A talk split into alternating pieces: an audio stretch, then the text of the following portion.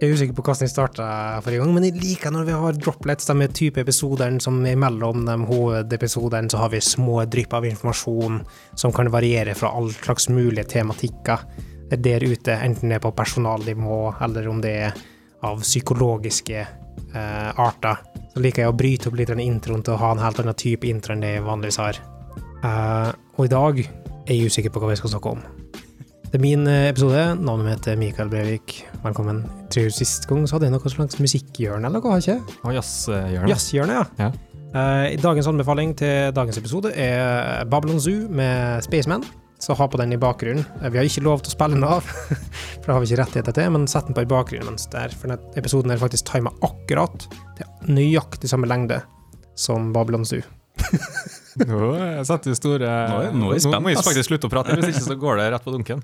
Um, jeg satt og tenkte tidligere i dag, og så tenkte jeg på hva jeg liker. Jeg liker uttrykk. Jeg liker expressions i språk. Jeg liker, jeg liker og på en måte naturlig språkuttrykk, men nå snakker jeg om eh, den tekniske typen. Eh, og så begynte jeg å tenke på åh, hva jeg savna å kunne bruke uttrykk på switch statements. Og så skal vi se hva, slags, hvor langt har pattern matching i eh, Javascript kommet seg nå, på proposal-nivå. Men jeg ble distrahert. Du Fant aldri ut av det. Um, jeg kunne sikkert ha funnet ut av det, men jeg ble så distrahert av en annen ting. For jeg så at det lå inne i et nytt proposal som er enda en utvidelse av decorators. Sjøl de om decorators ikke ennå har kommet gjennom fra stage 2, og de har holdt på fem år og fått, prøvd å få gjennom decorators, og så ble jeg påminnet irritasjonen min rundt hva for decorators, hva, hva er hensikten med det som en språkfeature. Um, og så hadde jeg lyst til å snakke litt om det, da. uh, hva slags forhold har eh, og Jeg tenker det varierer i stor grad. Hva slags forhold har, har, folk har til decorators her? Jeg bruker det. Eller jeg har brukt det. Men bruker du det Eh. syntaksmessig, eller bruker du konseptmessig? Altså Bruker du aspect-oriented programming, eller bruker du decorators i form av en syntaks? Syntaktisk sukker? Ja, så de, der jeg er kjent med bruken av det, det er eh, hvis man bruker eh, IOC, Inversion of Control eh, bibliotek, Mhm. så bruker du jo ofte det til å definere eh, properties i en klasse du, du ønsker å injecte en annen klasse. Eh, og så er det sånn som Mobex bruker det f.eks. til å sette properties som observable og, eh, og sånne ting. Så jeg har aldri brukt det, eh, liksom utvikla decorators i min egen app for å gjøre spesi spesifikke ting relatert til domenet jeg jobber i, eller hva enn det skulle være. Det er liksom noe som kommer med verktøyet jeg har brukt. da.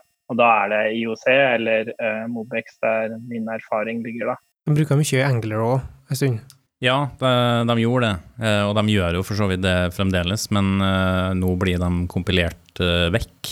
Mm. Det var på en måte en av fordelene med, med den Ivy-compileren, i hvert fall.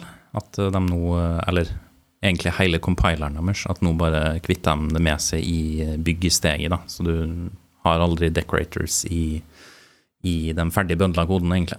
Men uh, jeg har brukt det ganske masse i, i koden jeg skriver, men jeg har aldri skrevet en decorator sjøl, nei. Nei, er det hvis, du, hvis dere skulle skrevet en decorator her og nå, hva hadde dere Visste dere hva skulle gjort og gjort det lesen? Eh, Jeg lagde det til eh, Jeg husker um, når det lagdes til Rebro, Mm. Da var det jo vanlig å ha React-komponenter um, eh, som klasser. Mm. Og da husker jeg jeg lagde decorators til, eh, til det. Um, og da, det er jo bare en funksjon som returnerer en funksjon, tror jeg, som får inn klasseinstansen, hvis det er en klasse, da. Mm. Og hvis du putter den på en property, så får du inn en sånn property descriptor, og så kan du returnere en ny property descriptor. Um, der du liksom, ja, selv, den, selve property descriptoren, der du setter om den skal være numerable og hele den pakka der. Mm. Um, er det riktig? Ja, altså det, det er i praksis bare en høyreordensfunksjon da, som tar en Mm. førsteklasses entitet. Som det, og det er grunnen til at de sier de ordene, er for at uh, poenget mitt er litt at dette er et etablert praksis i, i, i alle slags mulige programmeringsspråk. Og så har noen av dem som har uh, eh, C-sharp, da, som har uh, attributes og decorators på en annen måte, og, og sammen med eh, Java, som òg har dem. Eh, og det er ofte der du ser inject-patternet fra IOC-containere. Å si IOC-containere, for det måtte ha blitt IO-containere. Men så, nei, nei, det blir IOC-containere. Ja, ja, det blir artig, det. Perfekt. uh, men, og det, det, er fordi at språk uh, Der har du det, det er en annen type språkkonstruksjon, for du har blueprint-basert, klassebasert objektorientering, der uh, klassene i utgangspunktet ikke er førsteordens entiteter. sant? Som betyr at du kan ikke behandle dem som verdier.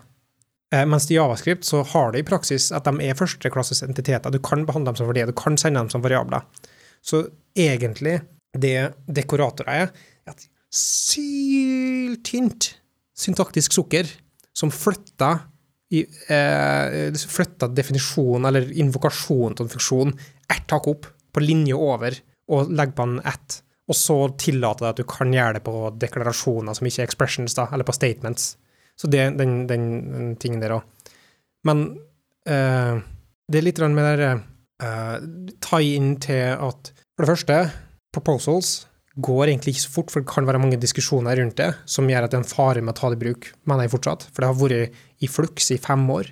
Det er fortsatt det, og nå kommer det enda mer proposals for å kompensere for manglende eh, scope i de eksisterende tingene, for at du får arvefeil for det, som igjen er en arvefeil til at du innfører Eh, noe som ser ut som klasser i språket som egentlig ikke er. Samtidig så endrer det faktisk seg ikke så fort som det er heller, da. Så det er sånn uh, Jeg har behov for å snakke om det av og til, for å reflektere i mitt eget hode over Er det sånn at språket utvikler seg av og til i feil retning, eller er det bare at det en naturlig konsekvens å utvide seg for at du får større um, større brukerflate, flere folk er flere bakgrunner som bruker det, som har forskjellige behov.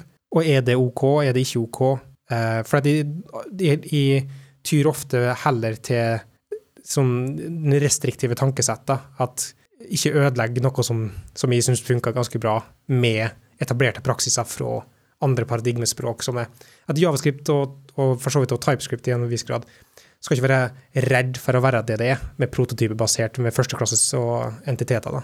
Men føler du ikke at um, på en måte måten uh, da Mobex og um, uh, og Angler og uh, sikkert en haug med sånn Redux-inspirerte bibliotek og sånn har, har, brukt det her på, gir mening? At det, det, på en måte beriker den måten vi som skriver koden, altså user-facing code vet ikke, for jeg føler det øyeblikket at Og er jeg, jeg sier ikke at dette er rett, eller at de burde tenke sånn, men det jeg tenker med en gang, er at når noen som har brukt det ganske mye, og det er en så syltynn syntaktisk sukker, ikke nødvendigvis enkelt kan si hvordan du kan skrive en sjøl, så har du skapt en sånn terskel av forståelse, i stedet for å basere det på etablerte ting som allerede er forstått. Så maskerer du det for å kompensere for noe som allerede har gjenmaskert noe annet, da. For eksempel det, det å implementere class keywordet, som en er prototype som ligger under der, og så må du arve en ny type syntaks for å kompensere for at du har innført noe som allerede maskerer noe, så du har en maskering i alle retninger. da. Uh, og maskering er vanskelig å få til rett, i hvert fall hvis du maler liste, tenker jeg.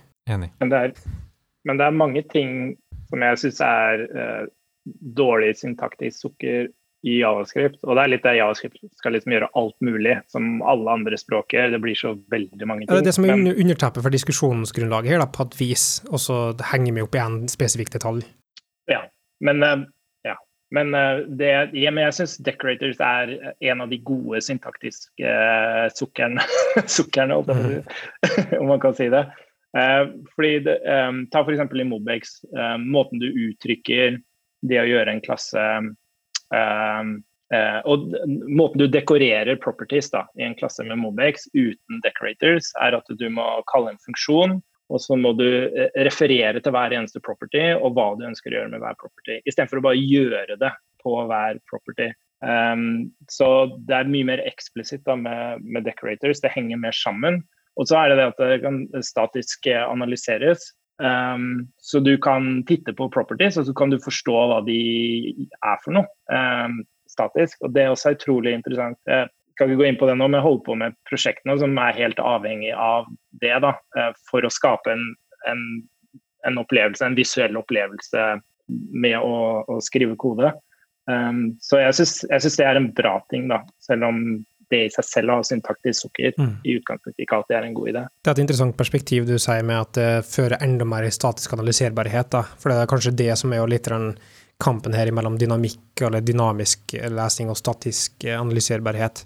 Så det er et interessant perspektiv, som vi får heller diskutere i dybden på at uh, i en annen episodeformat.